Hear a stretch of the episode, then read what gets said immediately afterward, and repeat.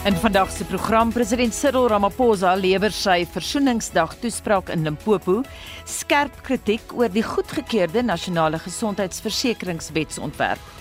Niemand weet wat die wet beteken nie. So almal debatteer oor niks wat hulle verstaan nie. Selfs die minister het geen idee wat gaan gebeur nie. Niemand het nie. Julle het nie.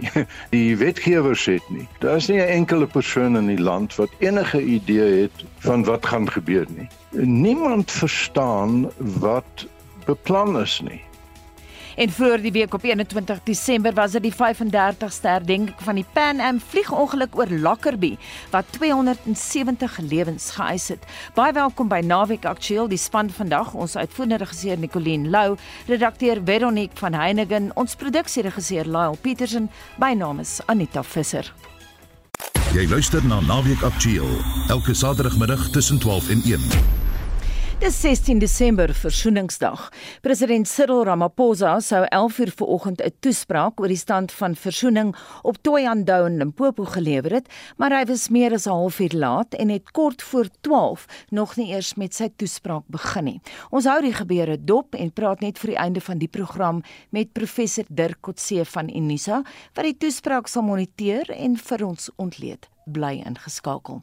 Intussen ander nuus. Naweek Aktueel se susterprogram Monitor het vroeër die week berig oor die nasionale gesondheidsversekeringswetsontwerp wat net voor die reses deur die Nasionale Raad van Provinsies goedgekeur is. Skerp kritiek deur onder andere Martin Versveld van die regsfirma Webber Wensel het daarop gevolg. Versveld sê dis niks anders as 'n ver verkiesingsfoefie deur die regerende ANC nie daarop gemik om kiesers te verwar.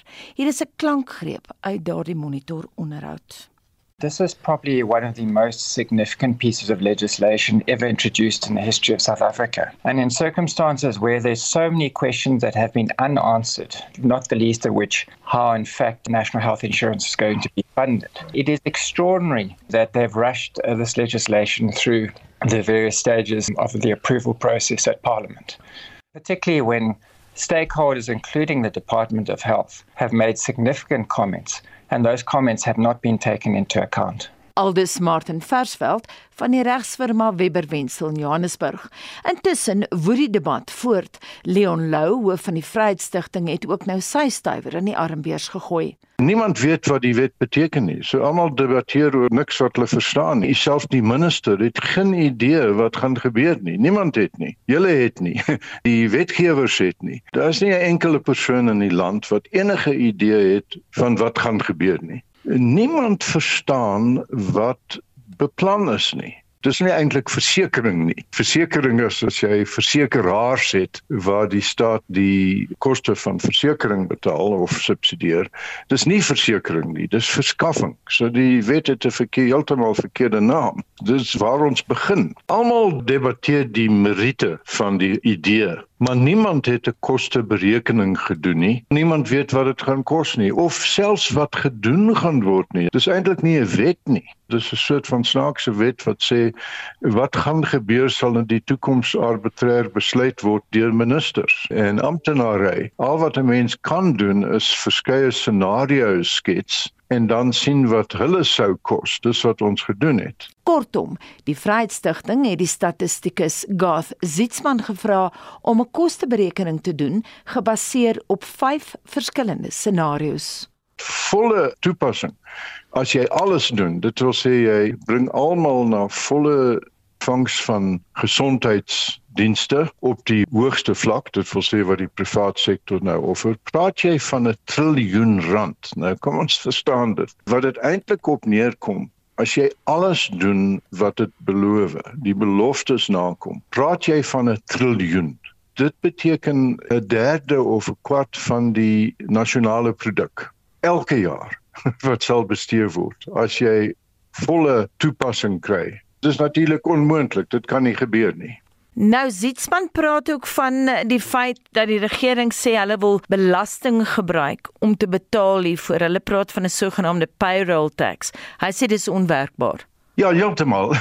Ek ben as jy helfte van die jaarlikse begroting meer wil invorder, bykomende invordering en jy wil dit doen deur 'n payroll tax. Sal dit oor 100% van payroll wees? Dis net nonsens om selfs dit te noem. En wat hulle sê is byvoorbeeld payroll tax. Jy sien dis die woorde wat gebruik word. Wat sal die ander belastings wees? Daar is nie voldoende ekonomiese aktiwiteit of begroting of belasbare inkomste of belasbare kapitaal nie om dit te bekostig indien jy basies niks doen nie. Dis wat gebeur as hulle praat van 'n miljard rand of iets. Beteken hulle dat niks gaan verander nie. Nou as jy gesondheidsversekering wil hê, almal met 'n hoë vlak van gesondheidsversekering of verskaffing ontvang, dan sal dit moet wees op 'n baie baie groter skaal. Jy weet ons praat hier van 'n eh, miljarde of soos ons gevind het tot op 'n triljoen rand. Die hele ding is nonsens. Ek kan nie glo dat enige iemand dit ernstig opneem nie. Boonop draai die regering ons rad voor die oë, waarsku Leon Lou. Wat sê dit? Ek meen ons het dit nou vele maal gelees en ek jammer om dit te sê. Hoekom het hulle vir die ding gestem? Want as jy vir of teen die wet soos hy staan gestem het, dan weet jy nie waarvoor of waarteen jy gestem het. Dit is eintlik nie wetgewing nie. Die wetgewer se funksie word net gedelegeer aan 'n minister. Jy sien dis die ding. En so sê Leon Lou van die Vryheidsstigting. Die burgerregte organisasie Kaapse Forum sê die bedanking van die uitvoerende hoof van die Staat se Inligtingstegnologie Agentskap, Dr Bongani Mabaso, laat die gevaarligte flikker. Mabaso het in April by Sita aangesluit en nou na slegs 8 maande het hy sy 5 jaar lange kontrak beëindig. Die bestuurder van gemeenskapsaktivering by die Kaapse Forum, Bernard Pieters, sê dit sal beslis die veiligheid van gemeenskappe beïnvloed. So die eerste kennisgewing wat ons daarvan gekry het was toe solidariteit hierso in die Weskaap die uitdaging aan die groot klok gehang het toe een van hulle twee van hulle lede, ekskuus, vir die dame in kennis gestel het dat die radiostelsel nie funksioneel is nie en hulle was in 'n uh, onveilige situasie waar hulle op hulle geskiet was en hulle nie kon kontak maak met hulle naaste stasie nie. En toe ons dit hoor, toe ons onmiddellik van Kaapse Forum se kant begin navraag doen by Sita terwyl Solidariteit die SAPD roete gevolg het. Wat het julle by Sita reg gekry? Ons het 'n navraag aan hulle gerig so 'n maand, twee maande gelede waarop hulle nie gereageer het nie en met die vorige radio-onderhoud wat ek ook met julle gehad het met um, Hendrik Martin as ek reg onthou, het hy gesê julle het van RSG se kant af ook kommentaar probeer kry, maar dat Sita nie gereageer het nie en dit het ons toe genoodsaak om uh, 'n paie aansoek te rig um, teen Sita en na ons die paie aansoek aan hulle gerig het, het 5 6 dae later na dit toe is ons kennis gestel dat die uitvoerende hoof van Sita bedank het. Wat 'n boodskap gee dit vir jou? Dit wys net die druk van die gemeenskap dat dit definitief actually sê die enigste rede is maar definitief 'n bydraende faktor was tot die bedanking van die uitvoerende hoof. Want hierdie is maar net die kyk sê die punt van die berg wat ons besig is om uit te krap hier so daar's ons baie ander kwessies wat ons nou ook uitgekrap het soos ons met hierdie saak besig is. En hierdie soos ek sê is maar net die begin daarvan. So ek dink daar's nog baie geraamdes wat uit Sita se kas gaan kom. En hierdie is hopelik 'n stap in die regte rigting. Ek sê hopelik want 'n mens weet nooit wie die uitvoerende hoof gaan vervang nie. Nou wat het uitgekom? Ek weet julle praat van kommunikasie in toerusting wat oud is. Ja, so ons het begin daarmee en toe ons nou agterkom hoeveel stasies in die Weskaap dit is, was absoluut skokkend geweest. Soos ek sê van die stasies is 'n stelsel is 13 jaar alreeds wanfunksioneel nog soveel ouer ook natuurlik. En daar's so stasies hierso in die Kaap byvoorbeeld Delft wat die nommer 1 is in die hele land as dit nou kom by moord en hulle het nie eens 'n drukker of enigiets nie. Die ander stasie, SAPD stasie het ons gekontak om te sê hulle koelvaste baadjies is besig om uitmekaar uit te val en dat baie van die lede nou nie so genoem is om groot risiko te neem vir op hulle eie lewe nie en mense het begrip daarvoor. En baie van hierdie tegnologie is sit daarvoor verantwoordelik veral in die IT kant. En hierdie is om die SAPD lede weer reeds totaal en al toegegooi as onder werk en oorwerk is om hulle werk, hulle lewe makliker te maak om vinniger deur hierdie prosesse te gaan en prosesse te volg. En hier is ons maar net nog 'n plek waar die ANC besig is om hierdie stelsel en hierdie werkgewers eintlik van hulle self te val en in die steek te laat En as 'n mens nou kyk na die tegnologie wat nou net hier uh, agteruit gaan raak in 'n SITA, kan jy mens ook nou sê die ANC moet dalk nie in beheer wees hiervan nie. Dit is hoekom ons van die Kaapse Forum se kant af druk vir die afwenteling van mag, want met die ANC in beheer is die toekoms van misdaad so donker soos leie politieke toekoms. So, hoe lank wag 'n mens vir 'n baie aansoek om goedgekeur te word? Gewoonlik 'n maand en daarna het hulle die reg om te vra vir uitstel weens daar so soms inligting is wat hulle nie in tyd kon bekom nie. So hulle het die opsie vir uitstel, maar gewoonlik 'n maand begin. Ja, dit was Bernard Pieters, hy is bestuurder van gemeenskapsaktivering by die Kaapse Forum en hy het met Mitsi van der Merwe gepraat. Naweek Aktueel het laasweek berig oor die diplomatieke geskil tussen Londen en Athene weens die Britte se weiering om die Parthenon-artefakte wat Lord Elgin aan die begin van die 19de eeu van die Grieke gesteel het, terug te gee. Ronald Henwood van die Universiteit van Pretoria se departement politieke wetenskap sê die Britte se houding is uiters arrogant. Die boodskap wat dit uitdra is een van ongelooflike arrogansie, 'n koloniale mentaliteit van ek kan basies met ander mense maak soos wat ek wil. En dit natuurlik is waarom die reaksies gewoonlik so ewig is wanneer 'n mens by hierdie tipe van sake kom. En as jy nou praat van ewige reaksie, wat bedoel jy? Wat gebeur? Wel daar's 'n reeks van moontlikhede. Die een is dat jy 'n onderliggende vervreemding kry en ons sien dit baie in Afrika byvoorbeeld en ons sien dit ook in die Brits-Griekse verhouding wat eintlik in historiese konteks veronderstel is om 'n egte verhouding te wees. Daar's direkte koninklike bande tussen die twee state en tog is daar hierdie politieke vervreemding wat intree en hierdie hoëvaardigheid wat 'n mens by die Britte kry ook teenoor Griekeland. In die ander konteks natuurlik is dat dit kan lei tot baie ernstige konfrontasie konfrontasie, die verbreeking van betrekkinge, dit kan lei tot ernstige langdurige spanning en dit ondermyn natuurlik die hele idee van gemeenskaplike saambestaan en dan miskien in die konteks van Europa, die Europese Unie, Brittanje het wel uitgestap daai, maar nog steeds die idee van 'n gemeenskap wat daar bestaan wat ondermyn word in hierdie konteks. Kom ons gaan ja. net terug na wat die opsies vir die Grieke nou is. Jy weet, hierdie saak voer hulle nou dryf hulle vir baie jare. Melina Mercuri veral het dit uh, as minister van kultuur gedryf. Sy het in 1982 'n baie sterk toespraak gelewer in Mexiko waar sy gepraat het op die wêreldkonferensie oor kulturele beleid en gesê dis absoluut nonsens dat die Britte nie alle standbeelde vir hulle wil teruggee nie. En niks het daarvan gekom nie. Wat bepaal die internasionale kulturele beleid Die onderliggende beginsel dink ek is tweeledig. As mens vanuit 'n eie belang van die Britte kyk, dan is dit natuurlik die historiese oorblyfsels van hulle grootsheid en hulle wil dit graag in stand hou. Saam met dit 'n praktiese konteks en dit is dat indien dit met Griekeland gebeur, waarskynlik soos met die proses van dekolonisering, gaan jy kry dat almal eise gaan begin stel en sê maar gee terug ons historiese eiendom, want dit behoort nie aan julle nie. En dit kan baie probleme vir die Britte skep. Dit kan van hulle museums basies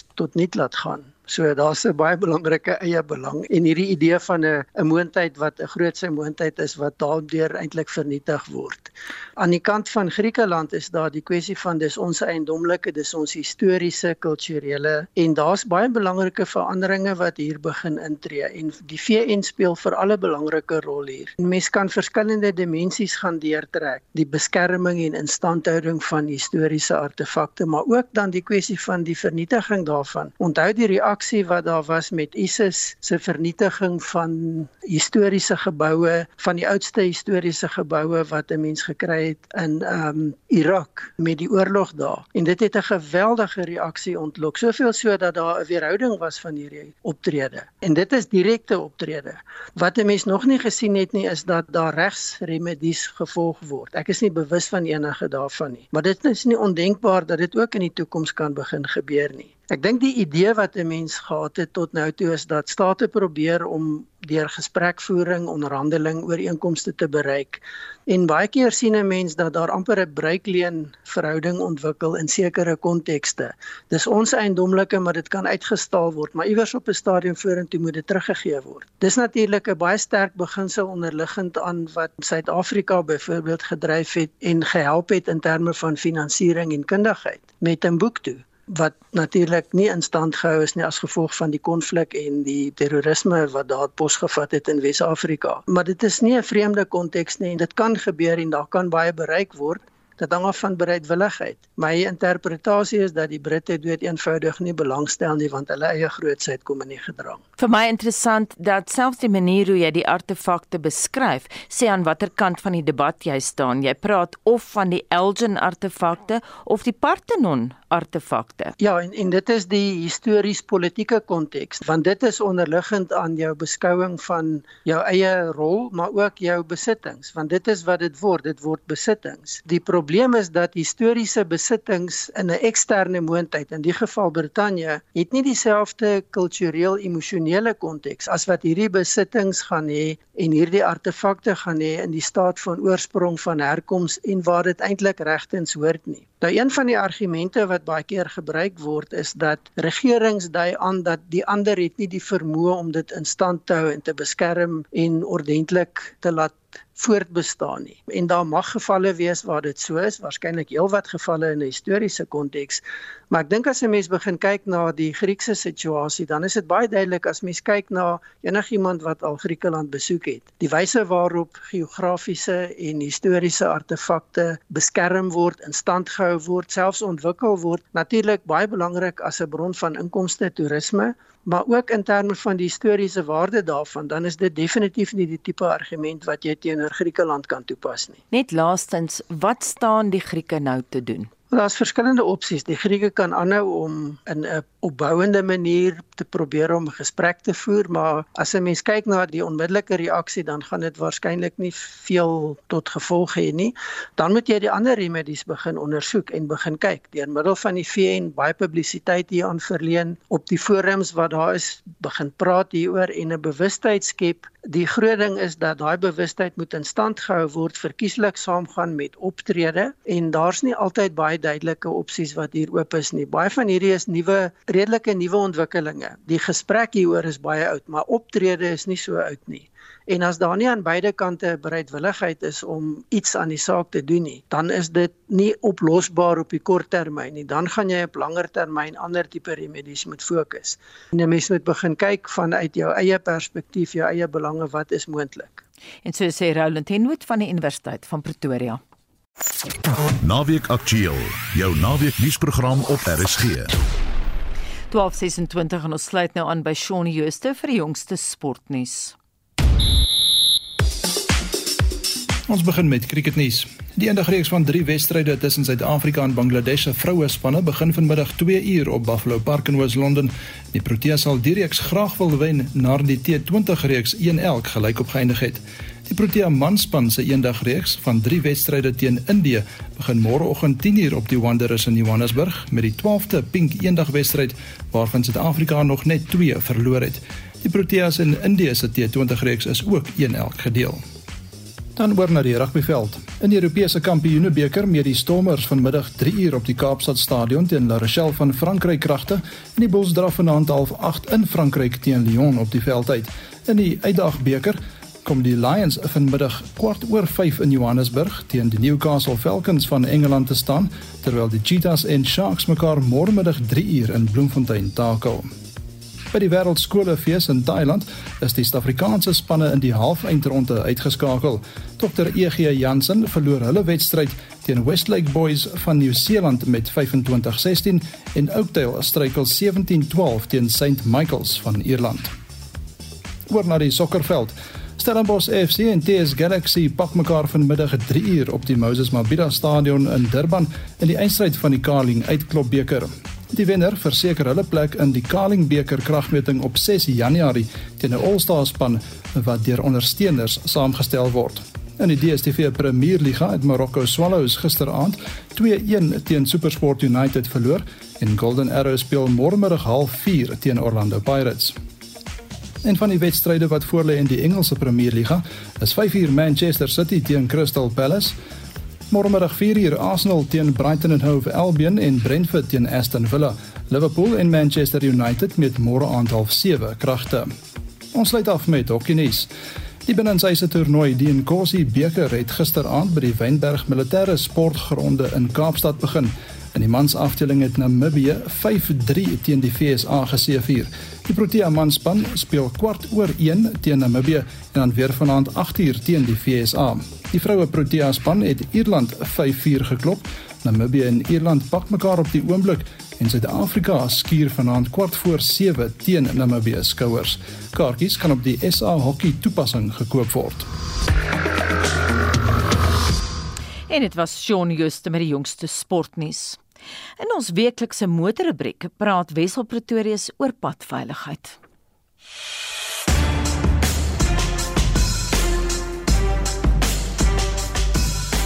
Verlede week het Rob Hanfield Jones, die bestuurende direkteur van driving.co.za, onder meer gepraat oor verdedigend bestuur, die belangrikheid van die flikkerlig en die risiko's verbonde aan bestuur in die nag. In hierdie tweede bydrae oor padveiligheid tydens die vakansietyd, verduidelik hy die belangrikheid van 'n goeie volgafstand en jou spoed aanpas by die omstandighede. Die hele probleem met spoed is as jy jou in 'n posisie plaas waar jou spoed nie gepas is vir die toestande nie of waar daar 'n baie skielike spoedverandering as gevolg van padomstandighede of verkeersomstandighede kan kom. Byvoorbeeld as mense te naby volg en hier kom die volgafstand in die prentjie in. Almal ry op 'n snelweg teen 120 maar hulle ry te naby.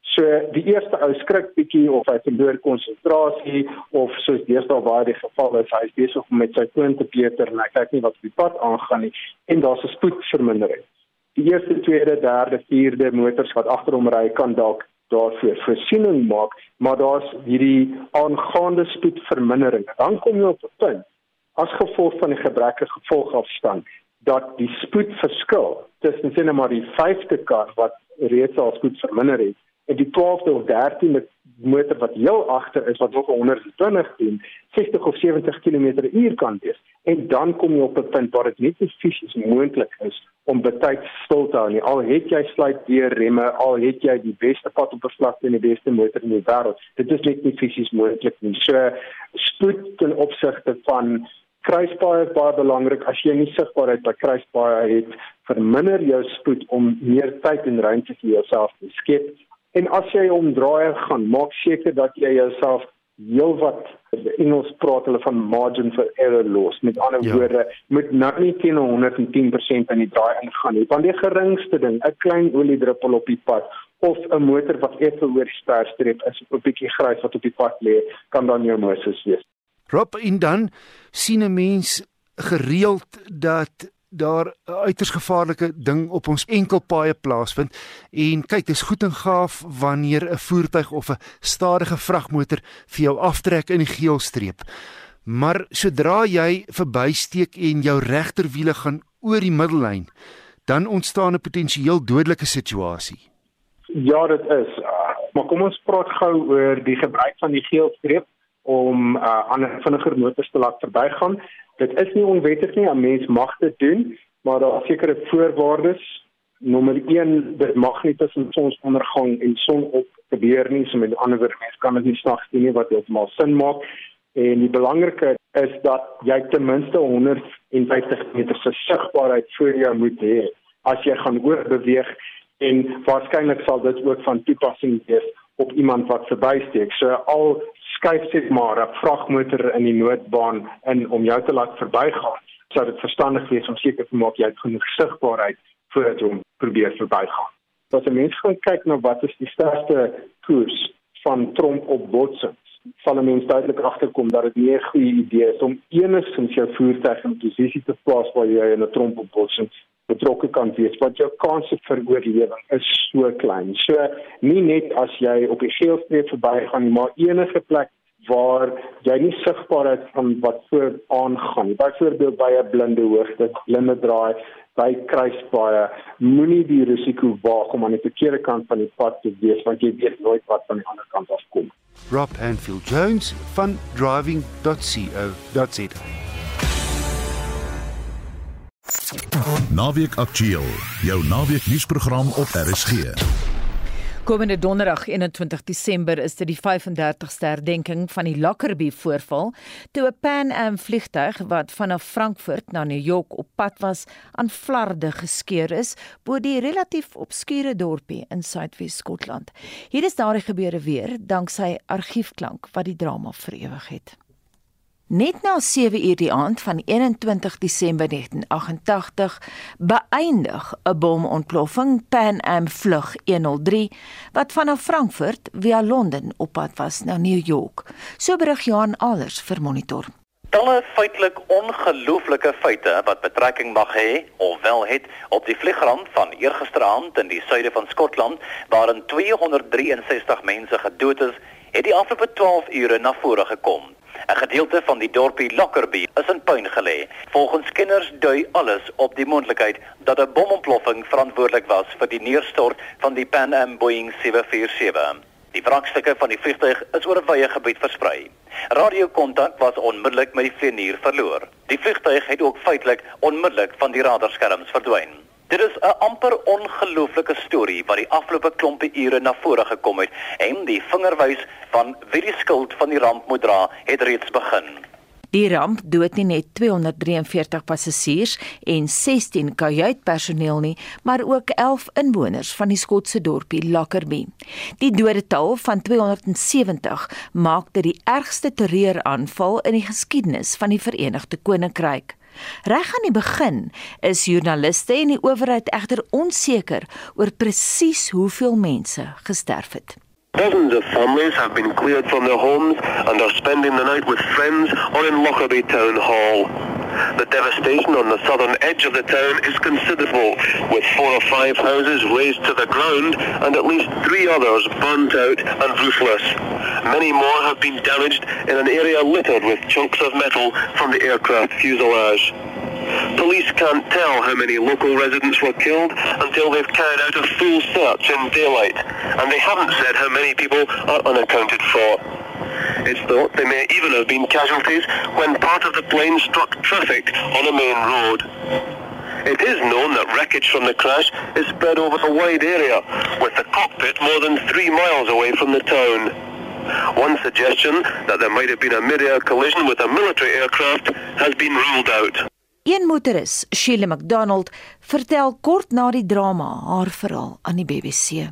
When the aircraft hit, what did you see? I saw something which resembled um, like an atom bomb going off. There was a horrific mushroom of flame with smoke above it. It was just a horrific droning noise. It was very deep and very piercing. And then after that, I just saw with the lights of Lockerbie, the V shape and the nose. It looked like a big aircraft. It was just like a V shape. The main part of the body behind the wings was missing. Monitor se susterprogram Radio Today se korrespondent Keith Chalkley stuur dan ook die volgende bydrae aan ons Engelse kollegas. Skielik is 'n onbekende Suid-Skotse dorpie die fokus van die hele wêreld se aandag. One engine plunged into a farmyard blasting a deep crater and sending shrapnel spinning through the air. Eyewitnesses said the metal fell amid sheets of flame. Where debris struck buildings, walls were completely ripped away. Houses collapsed and bricks and roof tiles rained down on families fleeing into the streets. All the houses in one cul-de-sac were totally destroyed, leaving no more than a rubble-filled crater. The people of Lockerbie spent yesterday trying to come to terms with the sheer scale of the disaster. I'm not bothered about the house as long as people are all right. I felt the heat and I seen everything coming over like, but I never seen any explosions or anything or whether they blew back. Reports of bodies were coming in all day yesterday as the search teams spread out across a very wide area. Because victims are so scattered, police have asked local farmers to check their own fields and woods. Amid the litter of the aircraft cabin, dollar bills lay in the mud. In the end, personal belongings may be the only way of identifying many of the dead. Intussen voer Johan Alers die storie verder vir Monitor se luisteraars. 9 dae voor die vliegramp op 13 Desember ontvang Amerikaanse ambassades in Wes- en Oos-Europa 'n waarskuwing dat dreigemente om 'n bomaanslag op 'n Amerikaanse vliegtuig gemaak is. Die gedeelte van die waarskuwing lees en ek haal die presiese woorde aan: Daar sal binne die volgende 2 weke 'n bomaanslag teen 'n Pan-Amerikaanse vliegtuig wat tussen Frankfurt en New York sal vlieg gemaak word. Gedurende dieselfde tydperk ontvang die Amerikaanse ambassade in Helsinki, Finland, ook 'n anonieme telefoonoproep waarin die dreigement herhaal word. Op 21 Desember verlaat die Pan Am Boeing die lughawe Frankfurt. Kenners meen dat indien 'n bomontploffing wel vir die vlugramp verantwoordelik was, die bom waarskynlik in hierdie stadium aan boord die vliegtuig gesmokkel is. Die ontploffing aan boord Pan Am vlug 103, so word daar weer deur middel van 'n geheime telefoonoproep aanspraak gemaak, is die werk van 'n revolusionêre Ismailitiese groep. Die inligting ontvang 'n Britse nuusagentskap. Die geheime oproeper beweer dat die groep wraak wil neem teen die Amerikaners vir die neerskiet van 'n Iranese vliegtuig in die Midde-Ooste vroeër die jaar deur Amerikaanse soldate. Na 'n 3 jaar lange ondersoek deur die Dumfries and Galloway polisie en die FBI word lasbriewe vir die arrestasie van twee Libiese burgers in November 1991 uitgereik. Die twee word egter eers in 1999 deur die Libiese leier kolonel Muammar Gaddafi oorhandig. In 2001 word 'n voormalige agent van die Libiese intelligensiediens, Abdel Basset Al-Megrahi, skuldig bevind op aanklagte van 270 moorde gekoppel aan die bombardering van Pan Am vlug 103.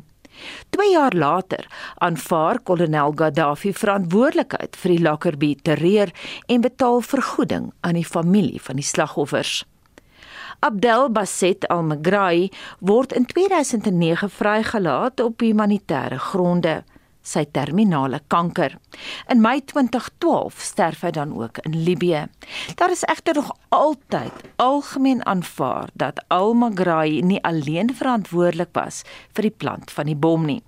In 2020 kondig die Amerikaanse owerheid aan dat die Libiër Abu Aghila Mohammed Massoud Khair Al-Marimi, wat 37 jaar oud was ten tye van die terreur, betrokke was daarbye. Die reaksie van die slagoffers se families was onomwonde. This is what we've been fighting for. Laaste woord aan Kara Vibes, president van die organisasie Victims of Pan Am Flight 103. Vibes se broer, Richard Monetti, 'n student aan Syracuse Universiteit in die deelstaat New York, was een van die slagoffers.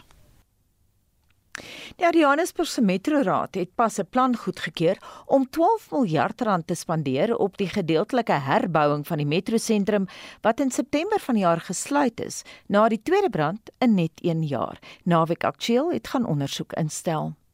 Angela Rivers is voorsitter van die Johannesburg Eiendom Eienaarsvereniging wat vroeër vanjaar die Johannesburg Property Company onder die soeklig geplaas het.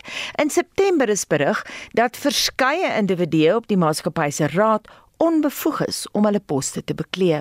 Een voorbeeld is Ntombi Kayisetini wat vroeër as ontvangsdame gewerk het, asook Ellen Rakodi wat 'n tolpad kassier was. Hulle kollega Rachel Rakodi het weer slegs graad 11 agter haar naam. Ten spyte hiervan is die individu in beheer van Johannesburg se eiendomsportefeulje ter waarde van 8,7 miljard rand. Die Johannesburg Property Company of terwyl die JPC is dan ook ten nouste verbind met die ANC se lid van die burgemeesterskomitee vir ekonomiese ontwikkeling Nomoya Mnisi. Nog is dit einde nie. Die Johannesburg Property Company swaai steeds die septer as dit kom by besluite oor eiendom in die goudstad, so sê Angela Rivers. to then broker these deals is not something that's unheard of, but it seems like they are very select properties that are being chosen for their different political alignments. Een voorbeeld is Lonwabo Sambutla, vertel die DA se hoofsweep in die Johannesburg se metroraad Leonot. Well, originally, and if you look back a couple of years, he was responsible for the licensing centres that never got refurbished in the city of Johannesburg. And he was paid about 31 million Rand for that, about 3 million Rand for generators that were never installed. He's actually the ex son in law of Jacob Zuma. He was married to Duduzile for a time period. Uh, he's also linked to various government contracts in the provincial government for buildings for the Department of Public Works. Leonot sê die treurige stand van lisensiekantore in Johannesburg vertel hulle eie verhaal. the licensing centres refurbishment. And if you've been to the licensing centres, you'll know that none of them have been refurbished since then. And uh, what had happened there was that JPC was also involved. They retrospectively generated invoices when they demanded payment, but they didn't receive completion certificates. They didn't check for proof of work. It was a whole saga, but it was never, nothing was ever done about it. Not ken Sambutla se hele geskiedenis rakend eiendom in Johannesburg.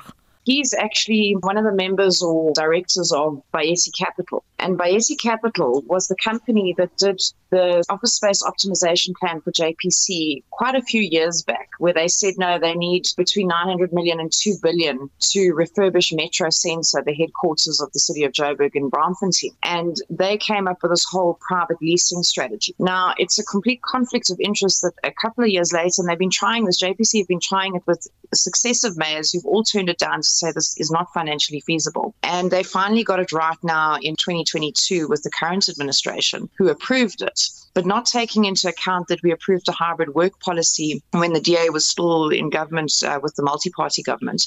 And that extensively reduced the office space required for city officials. And they've now gone out on private leasing that is exponentially more than what is actually required for the staff.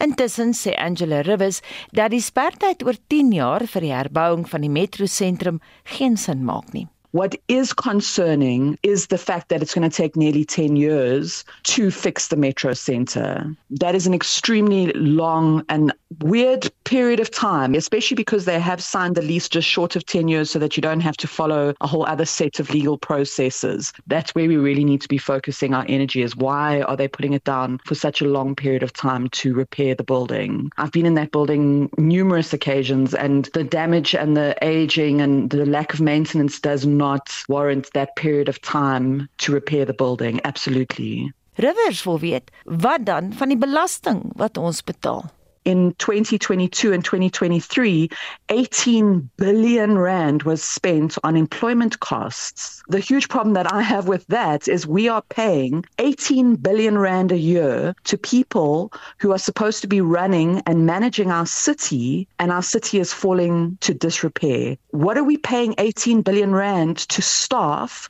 to actually do? Our billing crisis is the worst that it's ever been. They either overbuild, underbuild, incorrect correct meter. So what are we paying these public servants to do?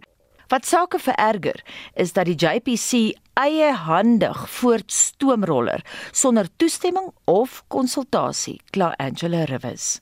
They've done this all without the approval of council and without public participation, which is required in terms of the Municipal Finance Management Act.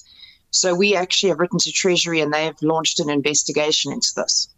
En so sê Angela Rivers, voorsitter van die Johannesburg Eiendom Eienaarsvereniging, naweek aktueel het Helen Botus van die Johannesburg Property Company gevra vir kommentaar op die kritiek en sy het ons verwys na Lucky Sendane wat nie gereageer het op haar versoek om ons te help nie.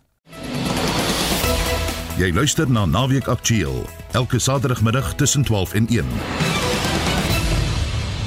Net na 2 uur die afgelope Dinsdagoggend 12 Desember het 'n vragmotor op pad tussen Stoffberg en Belfast in Mpumalanga deur die muur van die huis gebars nadat die bestuurder beheer oor sy voertuig verloor het. Die gevolg was die hospitalisering van 3 kinders en dorpenaars wat kla dat Belfast se slaggat Foespaaie die rede vir die ongeluk is, 'n rede wat die vragmotorbestuurder ook aangevoer het. Naweek Aktueel het gaan ondersoek instel. Die foto's op sosiale media is dramaties. 'n 22 ton vragmotor met krom gedeeltelik binne in 'n huis langs die pad wat Belfast, nou bekend as Emakazeni, met Stoffberg in Mpumalanga verbind. Die stand van Belfast se paaie was al met 'n vorige verkiesingsdebat in Oktober 2021 aan die kollig. Die destydse ANC burgemeester Thomas Ngwenya het eenvoudig enige kritiek daaroor afgemaak. Op haar beurt het die eens pragtige Hoëveldse dorp se nuwe burgemeester, Abigail Mugle Mashele, die afgelope week herhaaldelike versoeke tot 'n onderhoud oor die stand van die paaie geïgnoreer. 'n DA-raadslid op die Belfast Emakazeni dorpsraad, Dani Janse van Rensburg, was egter bereid om kommentaar te lewer. Toestand tussen Stoffberg en Belfast het verskriklik baie potholes. Ek kla gereeld met die paai departement met hulle daai pad toe maak. Hier en daar het hulle patches toegemaak, maar met al die reën wat ons het en ons het 'n uh, verskriklik baie swaar voertuie wat deur ons dorp kom en daai pad gebruik wat van Steelpoort afkom en Burgersfort af met krom en steenkool en as dit reën maak hulle maar net weer daai gate oop. So die pad is baie sleg. En as dit reën, is die gate vol water is gevaarlik. Nou kom doen die munisipaliteit niks sê het jy hulle al gewaarsku? Die pad wat net uit die dorp uit gaan waar daar groot slag gehad is, het ek hulle gewaarsku. Ek het hulle die dag voor hierdie ongeluk wat gebeur het, het ek probeer hulle in die hande kry. Ag, die telefoon lui, as hulle sien is ek, hy lui en hy lui en ek los 'n boodskap bel my dringend terug en ek lui en hy lui. Janse van Rensburg sê, die pad tussen Belfast en Dolstrom is ook nie wat dit moet wees nie, ten spyte van die swaar myn en toerisme verwante verkeer. My opinie is daai pad moet geresurface word, hy moet geherseel word. As hy water kry in die pad 'n kraakie in en dan soos die lorries daar ry en die karre. Uitdra baie verkeer. Maar die stofbergpad wat hulle stel kontrakteurs aan en hulle patch hier en daar maar dit is hopeloos te min. Intussen vertel verskeie dorpenaars dat Belfast se munisipaliteit en die departement van vervoer en openbare werke stry oor wie nou eintlik verantwoordelikheid moet dra vir die haglike stand van die pad tussen Belfast en Stoffberg. 'n Versoek aan die dorp se paai departementshoof Johannes Metemoenie vir 'n onderhoud is vriendelik verwys na ene Kasas Mafango van die Nelspruit hoofkantoor. Die versoek tot 'n onderhoud het ook 'n muis gebaar. Naweek aktueel het egter die Belfast polisie gebel wat ons verwys het na die provinsiale woordvoerder Selby Moglala wat die volgende oor die ongeluk te sê gehad het. We have opened the case of uh, reckless and negligent driving. We are continuing with our investigation.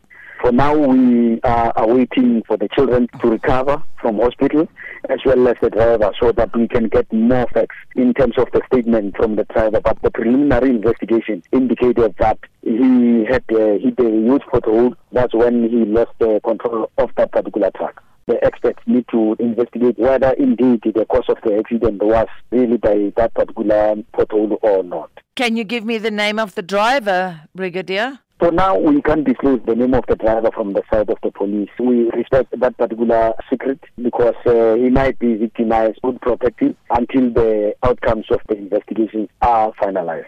Synde Mpumalanga se provinsiale polisiewoordvoerder te wees, reis brigadier Moglala dikwels deur Belfast, 'n ervaring wat hy nie geniet nie. We are no longer talking about potholes. There's no road in Belfast.